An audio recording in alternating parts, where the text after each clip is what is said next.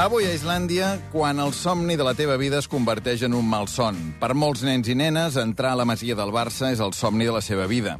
Un dels que ho va aconseguir, un d'aquests nanos que ho va aconseguir als anys 90, es diu Joan Jordi Miralles. El Barça es va fixar en ell i la masia l'havia de formar com a persona i com a jugador de bàsquet. Però, quan va entrar, va descobrir que hi havia una masia de dia i una masia de nit. Quan es feia fosc, allà dins començaven les putades, els abusos, el bullying. Despertar algú i fer-lo dutxar vestit amb aigua freda, llançar-li una galleda plena de pipí, pagar-lo amb tovalloles molles i altres vexacions i abusos físics i sexuals que no tenen res a veure amb els valors que pregona la Masia. Han passat els anys i Joan Jordi Miralles ara és escriptor. Ha triat, el Joan Jordi, narrar aquells fets que ell va viure als anys 90 en una novel·la que ha publicat l'editorial Males Herbes i que es titula Triomfador. Una novel·la boníssima i duríssima, impactant. He quedat amb ella davant de l'antiga masia del Barça i ens ha sortit aquesta conversa.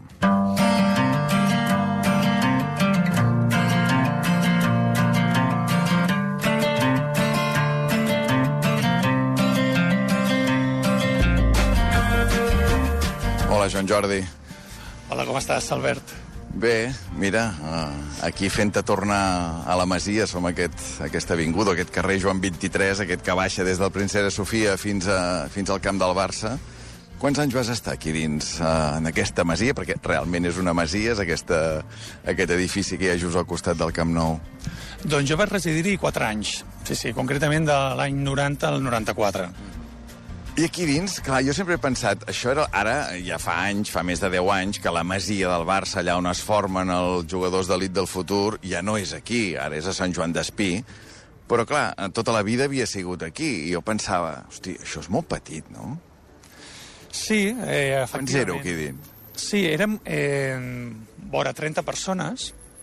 Eh, després, a l'hora de dinar, doncs això s'ampliava perquè hi havia residents doncs, que passaven, diguéssim, el dia a Barcelona i després anaven a dormir a casa seu, però en un principi dormint-hi érem això, pràcticament unes 30 persones i efectivament era un lloc um, bastant escarransit, no? era un lloc petit, era un lloc que no presentava moltes comoditats, és a dir, sí que representava un símbol, no? diguéssim, allà on es forma no? la cantera, a més a més doncs, una casa pairal, per descomptat que era un lloc doncs, emblemàtic, no? i fins i tot entranyable, però un cop residies no era segurament a nivell funcional un lloc idoni. Clar, molt poca gent ha estat a la Masia, s'ha estat formant aquí, però hi ha molta gent que ens deu estar escoltant, que, per exemple, ha fet la mili, molta gent que ens deu estar escoltant i que ha estat en un internat, i que moltes de les coses que expliquen aquesta novel·la el Joan Jordi Miralles que passaven a la Masia li ressonaran perquè diu, hosti, això mm, jo ho he viscut molt semblant a la mili o ho he viscut molt semblant en un internat. Sí, això també és una cosa que presentant el llibre o gent que me l'ha comentat també, que també, mm, bé, m'ho ha dit, no? Dir, ostres, jo m'ha fet recordar, no? O, o, en certs moments on vivia, doncs, eh, que vaig residir doncs, a un internat, un col·legi major, un col·legi militar, fins i tot, no? Que jo aquí sí que puc trobar certs paral·lelismes, no? Perquè, evidentment, estem parlant doncs, de gent doncs, que té una edat molt tendra, però no estic tan d'acord quan la gent diu, ostres, això és com la mili, tampoc n'hi ha per tant. Home, per descomptat que sí, no? Perquè per la mili, un, eh, ja ets major d'edat, i dos, eh, normalment ja t'han preparat, no? ja sigui un oncle, un germà, un cosí, qui sigui, que trobaràs una sèrie de situacions no? poc agradables, però clar, el que no t'esperes és arribar per la porta gran a Can Barça i que pugui passar una cosa així, no? que trobis doncs, un règim doncs, de quintades, que és cert que no es produïen tots els dies, però sí que sovintejaven. Quines quintades, per exemple? Bé, una mica les que defineix el llibre, no? Vull dir, són quintades que tenien a veure doncs, amb la interrupció de la son, eh, tenien a veure doncs, amb la interrupció dels estudis, és a dir, que no podies estudiar eh, fàcilment, sempre havies d'estudiar en hores intempestives. D'altra banda, hi havia també una certa inseguretat perquè no sabies mai quan passarien les coses. Val? Eh, Això el llibre ho reflecteix molt bé, eh, no? Aquesta cosa de que eh, quan et venen a atacar-te és, un, és un problema, però quan no venen també ho és, diguem, no? Perquè penses que en qualsevol moment vindran. Sí, i aquesta és una de les... Eh, diguéssim, situacions més exasperants no? I, i que, més esgotadores, no? de fet, perquè psicològicament, des del primer dia que reps, eh, ja estàs preparat per qualsevol cosa. És una situació que no, que no són unes colònies d'una setmana. No és una situació que saps que al cap de dos dies tornes a casa. És una situació en la que tu voluntàriament hi vols estar perquè, evidentment, t'estan oferint, com deia abans, una oportunitat extraordinària, però per l'altra banda eh, doncs el règim de convivència no és ideal, no? perquè estàs constantment en alerta, sí, sí. Clar, deies això, ara el Joan Jordi Miralles ho suavitzava una mica el que passava aquí a la Masia del Barça, no? això, la interrupció de la son. Sí, sí, home, és veritat que et venien a despertar, però et venien a despertar eh, per tirar-te una galleda amb pixum o per eh, fer-te dutxar vestit amb aigua freda a, a les 4 de la matinada. Sí, sí, podia, eren situacions que podien ocórrer, per descomptat, i estan reflectides al llibre, i també d'altres vexacions doncs, que, diguéssim, que, que totes són físiques, per descomptat. Sexuals. Fins i tot, sí, sí, sí, per descomptat. Llavors tu, que suposo que ja has pensat molt, perquè han passat 30 anys des del que tu vas poder viure, del que tu vas poder veure aquí, aquí a la Masia, eh, ara ho has transformat en aquesta novel·la, en aquest triomfador, Tu per què creus, ara, diguem, al cap dels anys, eh, què passava això als anys 90? Que hi havia aquest bullying quan encara no existia ni tan sols la paraula a la Masia del Barça? Bé, eh, crec que per una banda hi havia la qüestió de l'espai, no? que com bé abans preguntaves, no, doncs no era un espai idoni. D'altra banda, doncs, eh, com bé explica la, eh, perdona, la, la novel·la, no? Triomfador, doncs, és un espai doncs, que, que no estava batllat a partir d'unes certes hores, vull dir, hi havia doncs, eh, moviment al llarg de tot el dia, per descomptat, i venien a dinar fins i tot els, els oficinistes, no?, de, que venien doncs, a les oficines i dinaven, i perquè, bé, doncs es menjava molt bé aquí a, a la Masia, la veritat és aquesta, però, per altra banda, clar, a partir d'una certa hora, doncs aquesta vella desapareixia, no?, i a partir d'aquí, doncs, començaven tots els... A la nit no hi havia ningú vigilant. És una de les coses també inquietants de, de la novel·la, no?, que dius, a veure, per favor, pot venir algú a frenar això? I no venia ningú. La sensació és que no hi havia ningú la sensació. O sigui, si hi havia algú, no el coneixíem. És a dir, jo recordo que hi havia un vigilant, que no sé si s'havia de responsabilitzar, havia de vigilar altres parts no, de les instal·lacions, però, però en tot cas no hi havia ningú no, que frenés. Quan es començaven a desencadenar no, certes quintades, no hi havia ningú no, que, que et vingués doncs, d'alguna manera a ajudar. Hi havia un adult, que era el cuiner, però evidentment era una persona doncs, que estava tot el dia doncs, treballant moltíssim, era una feina esgotadora per descomptat, i per tant mm, i no era la seva responsabilitat, segurament, doncs, haver de vetllar sobre a les nits doncs, perquè una colla de, nallo, de, de nanos no fotien de les seves. Com és que has volgut, a través, tu has publicat moltes, molts altres llibres, com és que ara has volgut tornar a aquesta etapa? Diguem, quin fet que ha passat que, que ha pitjat el botó per dir, escolta'm, jo ara vull novel·lar el que d'alguna manera jo vaig viure i veure a la Masia del Barça? Doncs veuràs, jo sóc una persona bastant discreta, molt poca gent sap, que, de fet, que jo vaig jugar al Barça i vaig estar mm, residint a la Masia, i de la mateixa manera que hi ha molta, molta gent que no sap doncs, que escric, no? i per tant, vull dir, sempre m'ha agradat no? doncs, aquest règim una mica de discreció.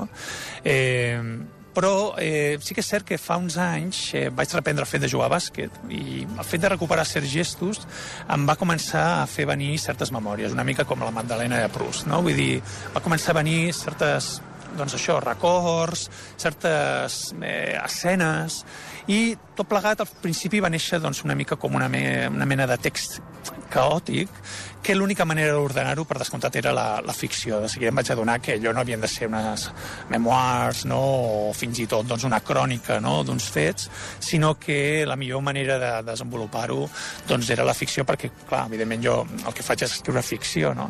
I la ficció precisament és el que et permet, no?, per una banda, impregnar-te d'una certa realitat, però per altra banda també construir un relat doncs, que on hi ha d'haver un ritme, on hi ha d'haver doncs, una tensió, on hi ha d'haver uns personatges, i tot això pot donar forma no, a una realitat, no? fins i tot d'una manera molt més veraç, no? que si un volgués explicar no, la, la, la, aquella realitat, de la, eh, diguéssim, eh, descrivint-la tal qual. No? Clar, un escriptor pren 50.000 decisions a l'hora d'escriure una novel·la. Una que vas haver de prendre és dir, li poso nom o no li poso nom? Li dic la Masia del Barça o no li dic la Masia del Barça? I vas optar per sí, per dir-li. Per què? Bé, la, la, de fet, ni m'ho vaig plantejar. jo sabia que havia de ser així. O sigui, no, no veig eh, el... O sigui, és a dir, Sí que és veritat que el Barça és una cosa sacrosanta no? en aquest país i la Masia representa una mica la joia de la corona. No? I per tant, un pot pensar, ostres, vés a saber com arribarà, o sigui, on anirem a patar no? amb tot això, però no m'he plantejat mai, perquè jo treballo en el terreny de la literatura, no? i en el terreny de la literatura per mi tot s'hi val. I llavors eh, parlar d'aquestes coses precisament el que fa és donar una dimensió nova, no? el que és el Barça i a la Masia, una dimensió fins ara desconeguda, segurament molta gent s'ha sorprès que tot això pogués passar als anys 90, etc. Doncs sí, passava. I, I per què hauria d'amagar-ho? Per què hauria d'inventar-me un país, una altra residència, un altre règim? Vull dir, ha passat aquí, a costat, a casa nostra, on la gent va cada 15 dies doncs, al Camp Nou, no? ben bé al costat. I per tant, quin és el problema? No? O sigui, sembla que, tingués, que tinguem una mica, doncs, que ens sorprengui per una banda, que hi desconfiem per una altra i que després ens causi una, un cert recel, però és que no ens queda una altra que acceptar aquestes coses, perquè, evidentment, un, una institució com el Barça està formada per persones, i les persones no són perfectes. Per molt que intentem no, fer esforços per ser-ho, no, no, no ho som, i podem cometre errors, no? com, per exemple, fotre conviure 30 nanos no, en quatre parets que no eren idònies, no? i no vetllar per ells, etc. Quan sents a parlar dels valors de la Masia i tota la literatura que hi ha al voltant d'aquesta escola de formació de joves talents del Barça, què penses? Bé, clar, estem parlant d'uns valors que estan inserits, incrustats, no, diguéssim, a l'himne, no? Eh, I, per tant, eh, quan ve aquí aspira no? que aquests valors doncs, prenguin forma i es reprodueixin i un pugui doncs, eh, conviure de la manera més amable. Però no era el fet. Vull dir, una cosa que de fet em fa reflexionar i que fins i tot teníem una conversa amb una de les persones que em va presentar el llibre, eh, en aquest cas de, una persona de Banyoles, que em deia, doncs, eh, em va preguntar no, si l'esport té valors, no? Eh, I la conclusió final és que els valors els aporta cadascú. L'esport rarament no? implica uns certs valors, no? eh, sinó que cadascú doncs, d'alguna manera els, els, els aporta. No? I d'altra banda també em fa, eh, de vegades quan he llegit doncs, eh, algun llibre que parla no? d'aquests valors del Barça, recordo un del senyor Mussons no? que, que, que parlava doncs, de, de, de com era no? la, la, la convivència a la Masia i clar, tot eren paraules eh, glorioses, no? Era, explicava doncs, eh, experiències doncs, eh, realment extraordinàries per part dels residents, la bona convivència que hi havia. I clar, jo vaig quedar com una mica indignant no, llegint aquest llibre. A més, el vaig llegir tot just abans no, de publicar-lo i encara vaig poder retocar algunes coses perquè, perquè clar, em va sobtar moltíssim no, que, que, que, que, que parlés d'aquesta masia, diguéssim, de les primeres hores del dia, no? Que sí, que potser era una masia on venien els oficinistes, hi havia, una, eh, hi havia una bona relació cordial entre els oficinistes, entrenadors, els jugadors, però a partir d'una certa hora la masia era una altra cosa, no? a partir del crepuscle, no? que és aquesta idea no? eh, molt shakespeariana en què tot es transforma no? i es converteix en una altra cosa. No? I per tant jo crec que, que bé, que això és el que passava, la realitat era aquesta, no? vull dir que hi havia una masia de dia i hi havia una masia de nit. Els malsons arribaven a la nit. Sempre, sí, sí, com han d'arribar. Hi ha un moment a la novel·la que hi ha un entrenador que intueix que alguna cosa passa, no? I que fins i tot li pregunta al protagonista, l'Ulisses, perquè l'altra cosa és això, que com que això és un règim del terror no es pot explicar. L'Ulisses no explica res a casa dels abusos que pateix a, a la Masia, no explica res als seus entrenadors. Però hi ha un entrenador que intueix alguna cosa. Tu creus que s'intuïa alguna cosa? Directius, ara feia referència al senyor Mussons, que era vicepresident amb Núñez, o, o els entrenadors intuïen que us passava alguna cosa de nit aquí? Bé, eh, clar, hauríem de preguntar-ho no, doncs, aquells directius no, a aquells entrenadors. Jo crec que alguna cosa sí que se sabia.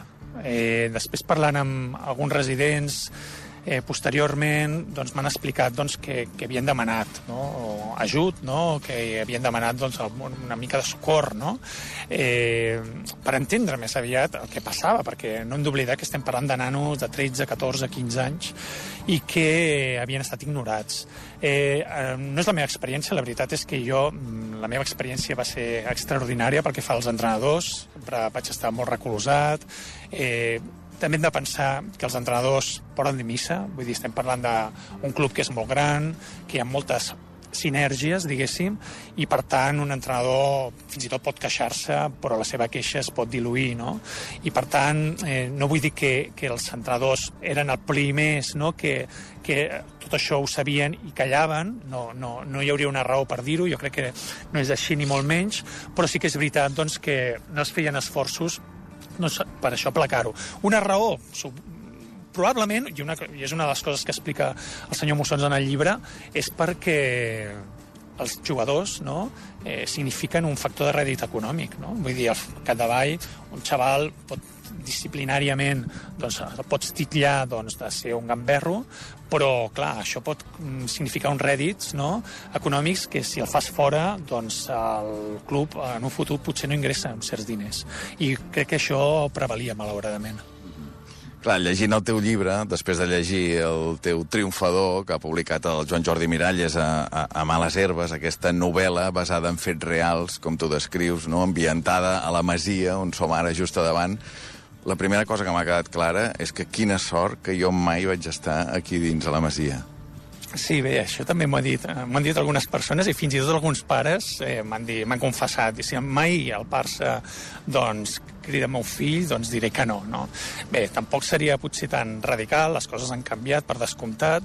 També és veritat que, que, que, que, que, que, que evidentment és una opció, no?, la de, el fet de venir aquí i passar doncs, un temps perquè, eh, en poques paraules, t'estan oferint una, una experiència extraordinària, no?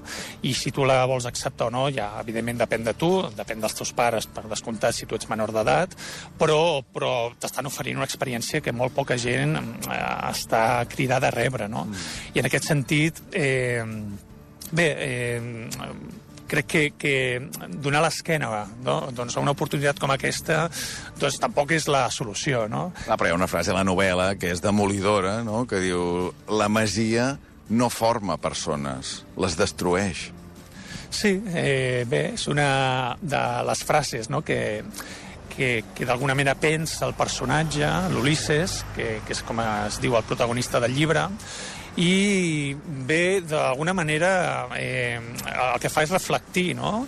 eh, una mica el, el, diguéssim aquest tarannà no, que, que, que, que hi havia doncs, en aquelles quatre parets i uns sostres, no, que era la Masia als anys 90, no, perquè no hem d'oblidar doncs, que és una novel·la que està contextualitzada doncs, als, als, als anys 90 i, per tant, evidentment, doncs, eh, hi havia una sèrie de situacions no, i una convivència doncs, que segurament, i desitjo de tot cor, que hagi canviat doncs, avui dia. Han passat tres mesos des de la publicació del llibre, un llibre que ha rebut molt, molt bones crítiques, però què ha passat? No? A mi m'interessava també conversar amb tu avui, Joan Jordi Miralles, per saber què ha passat, per exemple, al Barça. La joia de la corona, diguem, que s'ha de sentir eh, d'alguna manera interpel·lada per aquesta novel·la teva. Algú del Barça s'ha posat en contacte amb tu? Aquesta és una pregunta que em fa molta gràcia, Albert, que me la facin, perquè que al principi pensava, clar, és una pregunta natural, no? O sigui, algú ha de trucar, no? Però quan hi penses, bé, o sigui, qui, qui carai m'ha de trucar i posar-se en contacte amb mi? És que, clar, vull dir, no crec que sigui el senyor Laporta, pot ser la directora de la Masia, no ho sé, o sigui, i per dir-me què, no? Clar, és que al final la, la novel·la tampoc és una novel·la, diguéssim, de denúncia. No és una novel·la que pretén... O sigui, es manifesten uns fets, val? però no demana res a canvi. És el que vull dir. Val? Han passat 30 anys, totes aquestes causes estan prescrites, per tant no hi ha cap sentit, jo no, no vull treure cap profit més enllà d'escriure novel·la. Val? I, per tant, en aquest sentit, no sé mm, què podrien dir-me. No? Si, mm, potser sí que em truquen un dia, diuen, escolta, mira... Però no ha passat, eh? No ha passat, no ha passat, i tampoc sé molt bé què, què em podrien dir. No? O sigui, què em podrien explicar, o demanar, o preguntar, o vés a saber què. El llibre l'escrius si no saps mai qui el llegeix, no? i quanta gent el llegirà, i quines seran les persones que, que triaran aquest llibre en una llibreria, perquè n'hauran sentit parlar, en una emissora de ràdio, hauran llegit alguna ressenya. Alguna algun dels butxins, diguem, algun dels que practicaven aquests abusos, aquest bullying aquí a la Masia del Barça, s'ha posat en contacte amb tu? No, no, no, la veritat és que no. La veritat és que no s'ha posat ningú a contacte amb mi. Eh, sí que he tingut contacte, no obstant això, doncs, amb ser residents doncs, que d'aquella època, doncs, amb gent amb la qual m'havia documentat, perquè, clar, evidentment un té records no, sobre certes qüestions, certes situacions, però vol, d'alguna manera, eh, cerciorar-se, no? assegurar-se que allò realment va ser així, va passar, les sensacions són compartides o no, i sí que hi ha persones doncs, aquestes que, que, que després han llegit el llibre i, i i m'han contactat per dir-me que han quedat molt remoguts, no? que realment doncs, tot allò els hi ha despertat molts records d'aleshores i que, que, que no s'ho esperaven, no? Que, que, que la novel·la transmetés no? d'aquesta manera doncs, aquests fets.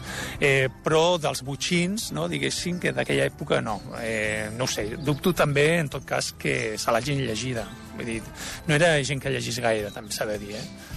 Al principi de, de la novel·la, diguem, quan, quan el personatge, quan l'Ulisses aconsegueix deixar Manresa i que el Barça de bàsquet es fixi en ell i digui, ei, vine a la Masia, que nosaltres et formarem perquè volem que arribis al primer equip, i entra aquí i es comença a trobar això, no? Es comença a trobar... En aquell moment hi ha dos personatges, que ara no recordo els noms, que són els que monopolitzen una mica el, els abusos, i eh, hi ha un moment que, que se'n van al cap de pocs dies a la Blume, no? que deixen la Masia i se'n van a la Blume. I un, el lector, té l'esperança de dir, hosti, ja s'ha acabat, ara l'Ulisses es podrà dedicar a estudiar i es podrà dedicar a formar-se com, a, com a jugador de bàsquet. I veus que no, que no era una cosa d'aquells dos, que després en venen dos més, i tres, i quatre, i uns altres. Eh? Sí, a l'hora de documentar-me, de fet, això, eh, clar, em preocupava, no?, perquè un pot pensar, bé, potser vaig tenir mala sort, no?, i justament eh, va, es va escaure que, que, que vaig coincidir en una promoció, doncs, on passaven aquestes coses, però parlant després amb residents que havien estat anys anteriors i després anys posteriors, doncs em vaig adonar que, que, que bé, que era un règim doncs, bastant normal, naturalitzat, no? I per tant existia no, aquest règim abans no, de Quintades, eh, existia abans i després. Per tant, eh, bé, sí, és una cosa que es reproduïa, no sé a partir de quin moment, em vaig trobar un, un resident del primer any, de la primera promoció, en una presentació d'un lli llibre a Banyoles, em vaig trobar un resident doncs, de la primera promoció i que, que després de fer tota la presentació em va venir i em va dir, hosti, jo vaig ser el resident de la primera promoció ostres, sí. I ja passava tot això, i em va dir no. Clar, a partir d'un cert moment va començar a passar. Per què? No ho sabem. Vull dir, tampoc la, la novel·la intenta esbrinar-ho, no? Però m'ho he preguntat moltes vegades, no? O sigui, per què? De sobte, no? Eh, hi va haver uns certs residents que van dir anem a divertir-nos a costa dels altres, no? Anem a fer patir, no?, amb aquest xaval, doncs perquè no ens cau bé, o perquè juga un altre esport, o perquè aquí no es controla ni Cristo, no?, i per tant no podem fer. Vés a saber per què, però va haver un moment, no? un primer motor, no? que tot això va començar a engegar i que es va anar doncs, reproduint no? promoció rere promoció. A mi m'agradaria que a partir d'aquest llibre no només tu expliques el cas que ha passat a la Masia, no? però altres internats, altres escoles, que abans ho dèiem, no? on els nanos tenien la mateixa edat que teníeu aquí, 13, 14, 15, 11, 12... Aquestes situacions d'abusos permanents eh, era habitual, també, no? I llavors és això, no? Un cop comencen, a vegades, fins i tot els qui han estat víctimes d'aquests abusos quan assoleixen un altre grau dins de l'internat o dins de la masia o dins d'on sigui, llavors es converteixen ells en abusadors, no? És a dir, com, és com reproduir, jo he passat per aquí, això és com un ritus d'iniciació, i ara tothom li tocarà passar per aquí si he passat jo. Sí, efectivament, són ritus no? d'iniciació, bé, bé ho dius, no? Jo crec que és una manera molt encertada de dir-ho, eh, i que d'alguna manera significa això, no? que comences no, a assolir un rol no? eh, en què al principi doncs, eh, estàs a un nivell i a mida doncs, que van passant doncs, els anys o vas patint no, certes quintades, doncs vas assolint un altre nivell en què tu pots reproduir i formar part activament no, d'aquelles eh, quintades. I sí, sí, una mica, eh, això també ho, re, ho explica una mica el llibre, no? o sigui, el personatge l'Ulisses en, comença la, la seva estada no, a Can Barça doncs, de la pitjor manera, no? Eh, com, com dèiem abans, no? un estat d'alerta, de no saber mai, de confusió, de no saber mai per on vindran donades, i al cap dels anys doncs, ja el convoquen no? per anar pensant eh, com putejaran no? una nova víctima, que és un xaval que entra de nou, no? Per tant, sí, jo crec que són règims que malauradament s'ha anat instal·lant, no? s'ha anat instaurant d'alguna manera i mm, fa que, que, que, que bé, que un... És difícil ser un outsider, no?, aquí, perquè eh, possiblement un voldria, no?, mirar cap a una altra banda, però al capdavall estàs allà, no?, aquestes coses estan succeint davant teu, no? Llavors, eh, bé, això s'estudia moltíssim, no?, que té, que té a veure amb els abusos i amb el bullying, no? Hi ha molts, molt, diguéssim, moltes, eh, eh, molts rols, no? O sigui, hi ha l'assetjador, diguéssim, hi ha, diguéssim, l'abusón, no? Hi ha, per l'altra banda, el mirón, no? La persona que mira i, o que mira cap a una altra banda, hi ha qui incita, qui esperona, hi ha diferents rols, no? Eh, doncs que d'alguna manera un pot anar assumint, no? Potser no, no, no, no participa activament a la novetada, però està rient, eh, no deixa de mirar-ho i de tant en tant, si veu que la tensió baixa, doncs agafa i esperona no, el butxí de torn no, perquè la, la tensió comenci a créixer un altre cop. No? I quan un veu situacions d'aquestes, i després, evidentment, les pot llegir, no, perquè ara hi ha molts estudis sobre aquestes qüestions, doncs s'adona doncs, bé, que és gairebé una, una, un esquema, no, tot plegat.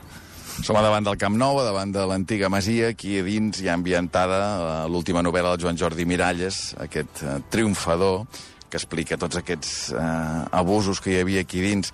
Enmig de, de la història hi ha noms reals, també, no? Per exemple, n'hi ha un que, a més a més, coincideix amb el teu, que tu t'esforces a escriure'l com és el teu nom, que és el fill de Johan Cruyff. Perquè tots li diem Jordi Cruyff, tu a la novel·la parles de Johan Jordi Cruyff, tu et dius Joan Jordi. Sí, efectivament. Sí, sí, a veure, és una clocada d'ullet, ah. per descomptat, però, però sí, sí, hi ha personatges doncs, eh, doncs, reals doncs, que surten a la novel·la que serveixen, evidentment, doncs, per eh, donar més versemblances, si és que cal, Eh, I d'altra banda, també són personatges que, que es presenten com una mena d'homenatge, eh? vull dir que són figures doncs, que no tenen, diguéssim, cap mena de participació no? en altres esdeveniments que ara estàvem doncs, explicant i sí, sí, ho deia perquè tu parles del fill de Johan Cruyff, de, del Jordi Cruyff, com algú a qui els altres no el volien ni veure, no li perdonaven que fos fill de qui era, no? Bé, aquesta era la sensació. Per descomptat, hauríem de parlar doncs, amb en Jordi Cruyff per saber si, eh, si era així, si tenia aquesta sensació o no. Vull dir, jo crec que precisament és una persona que jo mm, vaig conèixer molt, molt, molt breument i em va semblar una persona encantadora, una persona doncs, molt agradable i molt, molt ben educada. Eh, per sort, doncs, no, no va haver no, de participar, de trobar-se no, en aquest ambient, però, clar, capdavall no deixes de ser el fill d'en Cruyff, no? I, per tant, això doncs, estimula no? a moltíssima gent envejosa, rabiosa, complexada, no? doncs, que siguis doncs, al centre de la befa, no? i, i una mica aquesta sensació, no? la gent el que comentava darrere, etc era aquesta. És una, diguéssim, una penyora no? que un ha de pagar per ser doncs, el fill d'un dels millors futbolistes del món. L'altre dia va coincidir que jo estava llegint el teu llibre amb que va debutar aquí al Camp Nou, que el tenim aquí darrere, el camp, va sortir a la segona part, un nano de 15 anys, el, l'Amal Yamin, no? I pensava, hosti, aquest nano de 15 anys, que deu estar a la Masia, no sé si ha passat el mateix que, que passa el protagonista de Triomfador. Bé, desitjo que no, per, per descomptat, i crec que, que, que el fet que les instal·lacions doncs, ara es trobin a Sant Joan d'Espí de, i siguin diferents, no? eh, i que d'alguna manera doncs, eh, estiguin doncs, les habitacions doncs, doncs, eh, siguin de menys persones, eh, hi hagi doncs, diferents pisos no? per diferents esports, fins i tot, fins i tot ja hi conviuen noies. Jo crec que això segurament deu ajudar. Ara bé, no hem d'oblidar doncs, que estem parlant d'un règim de competició molt elevat, que s'està tractant no, aquesta canalla amb una imatge doncs, eh, que una mica els deifiquen, no? sembla que siguin figures no, no terrenals, no? les fotografies no? que corren per les xarxes socials no? dels entrenaments i dels partits dels caps de setmana d'aquesta colla de nanos són espectaculars, no? semblen que l'evitin. No? I clar, això, vulguis o no, també confereix tota una estructura mental amb aquesta colla de xavals en una edat molt tendra en què la identitat és una cosa que encara s'està construint. I, per tant, mm, bé, no sé com ho deuen treballar, espero que ho treballin d'una manera doncs, adequada, no m'he entrevistat amb ningú, per descomptat no és, el, no és la meva feina, però, però fa patir la cosa, fa patir sobretot per aquest tractament no? que, que, que tenen de, davant dels mitjans de comunicació, davant de, de certes estructures que for, tenen a veure amb l'aparència i la imatge. No? I clar, això al capdavall estructura no? una mentalitat. Um, parlem del meu gremi. Tu ets escriptor, novel·lista. Uh, els periodistes, com hem reaccionat a aquesta novel·la? Hi ha hagut algun periodista d'investigació que t'hagi contactat i t'hagi dit escolta, dona'm algunes pistes perquè jo pugui tirar del fil del que va passar a la Masia durant aquells anys i poder denunciar aquests abusos que narra la novel·la? Bé, hi ha interès, només puc dir això. Ara bé, no, no sé pas si, si ho estan investigant o no, però, però sí que hi ha un interès, però, però ja et dic, eh? vull dir, jo crec que eh, la novel·la no, no, no, no neix amb aquest propòsit. Ara bé, jo ho he dit moltes vegades també, si a partir d'aquí algú vol tibar del fil i eh, doncs això, no? investigar i documentar-se sobre si aquests fets doncs, són verídics o no, o sobre mm, quins altres fets van ocórrer, perquè hi ha moltes altres co coses que van passar i que la novel·la no explica, perquè evidentment l'ofici del novel·lista és també el de seleccionar no? uns fets i posar-hi ordre, no? I, a, i a part donar-hi una intenció, per descomptat. I per tant, bé, si algun investigador troba que això és una doncs, un, un racó de la realitat que convé doncs, posar-hi llum, doncs endavant, jo encantadíssim, sí, sí. En el teu cas, Joan Jordi Miralles, per què vas deixar la Masia? O va ser ella que et va deixar tu? No, jo vaig deixar la Masia perquè em van oferir, de fet, d'anar a la Blume i, per tant, ho vaig veure de calaix, vull dir, jo tenia moltes ganes de marxar d'aquí, eh, no, no m'hi trobava gaire còmode. Jo sempre he estat un... Era un xaval est, eh, estudiós, vull dir, m'agradava estudiar molt i m'agradava llegir i, per tant, no era, diguéssim, les millors condicions per fer-ho. La Blume sí, la Blume era una altra cosa, realment, el fet que hi haguessin nois, noies, que estiguessin els esportistes no, en diferents plantes, eh, fins i tot eh, l'amabilitat no, del personal, eh, la vella no, dels responsables, vull dir, tot això realment va fer que, que, que la Blume fos una experiència eh, extraordinària de veritat, no? i a més a més doncs, jugant, doncs, entrenant no, aquí al Barça. No? Eh, el fet de jugar, deixar el Barça va ser una decisió meva perquè jo jugava una posició que era d'escorta i era una escorta baixet, perquè clar, ja m'estava enfrontant doncs, a altres equips internacionals, també de doncs, grans equips doncs, de, ja estem al primer equip o categories inferiors? Estem sempre en categories inferiors, però jo veia doncs, que hi havia nanos doncs, de 16 anys que jugaven de base fent gairebé dos metres, no? I clar, jo faig un 90, vull dir que una escorta d'un 90, ostres, ja veia que hi havia escortes de dos metres, dos metres cinc, doncs jo vaig intentar, doncs això, intentar formar-me en, en una posició com la de base, i el Barça no m'ho podia oferir en aquell moment, i en canvi el Manresa així, i vaig acabar parant a, a Manresa, sí, sí. Acabem. Què t'agradaria que passés amb la novel·la que encara no ha passat? Doncs eh, diverses coses. M'agradaria, evidentment, doncs, que arribés al màxim de lectors i lectores possible, per descomptat. Jo crec que és una novel·la que pot interessar no? a, un, a un gran ventall de, de lectors i lectores, perquè això pot llegir un adolescent, una persona adulta, un esportista, algú que tingui els fills no, doncs, entrenant-se una certa elit o que assumint no, d'entrar una certa elit i fins i tot doncs, gent que ja ha jugat no, a, a l'esport i que se sent d'alguna manera doncs, que és òrfana no, d'aquest tipus de literatura doncs, esportiva i també, com deies abans, no, residencial, no, que té a veure doncs, amb aquestes convivències d'espais de, de, de, que no són casa teva en realitat.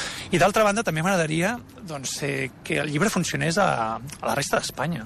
La veritat és que està traduït a Seix Barral, i és una traducció magnífica, eh, però eh, no sé per què, no hi ha cap periodista cap periodista de l'estat espanyol que, hagi, que hagi contactat amb mi i hagi mostrat interès per la novel·la i això és una cosa que no m'explico de cap manera, perquè realment aquí, doncs, al Principat la cosa ha funcionat, hi ha un interès fins i tot a l'arreu dels països catalans, anirem a la Fira del Llibre doncs, a, a Mallorca, presentarem el llibre a València, però de la resta de l'estat espanyol no hi ha hagut encara ningú, però absolutament ningú, que hagi despenjat el telèfon per dir, escolta, això de què va? Això està bé perquè, clar, eh, podria haver passat al revés. Tu deies que, clar, en aquest llibre toques la joia de la corona del Barça, el Barça com a joia de la corona de, de, Barcelona, eh, de Catalunya, per extensió, no? Podries haver-te topat amb un silenci dels mitjans de comunicació aquí, que no ha sigut el cas. Eh, gràcies a Déu, no. Vull dir, gràcies a Déu aquí les coses van, es, es, es fan bé i crec que hi ha un interès doncs, honest, no? I també eh, sense cap mena de complexa, perquè sí que de vegades un pot pensar, ostres, és una cosa molt grossa, no? molts tentacles al Barça, no? és una cosa que, gairebé té una dimensió que no és material, no? és simbòlica, no? i tot això ens pot donar, fer una certa por, no? però la veritat és que els periodistes en aquest sentit han demostrat sempre molt bona voluntat i, i bé, eh, les millors intencions no? en aquest sentit i estic molt agraït, per descomptat. Digue'm un record de la Masia, ara que la tenim a davant. Un record concret que hi tinguis tu aquí dins.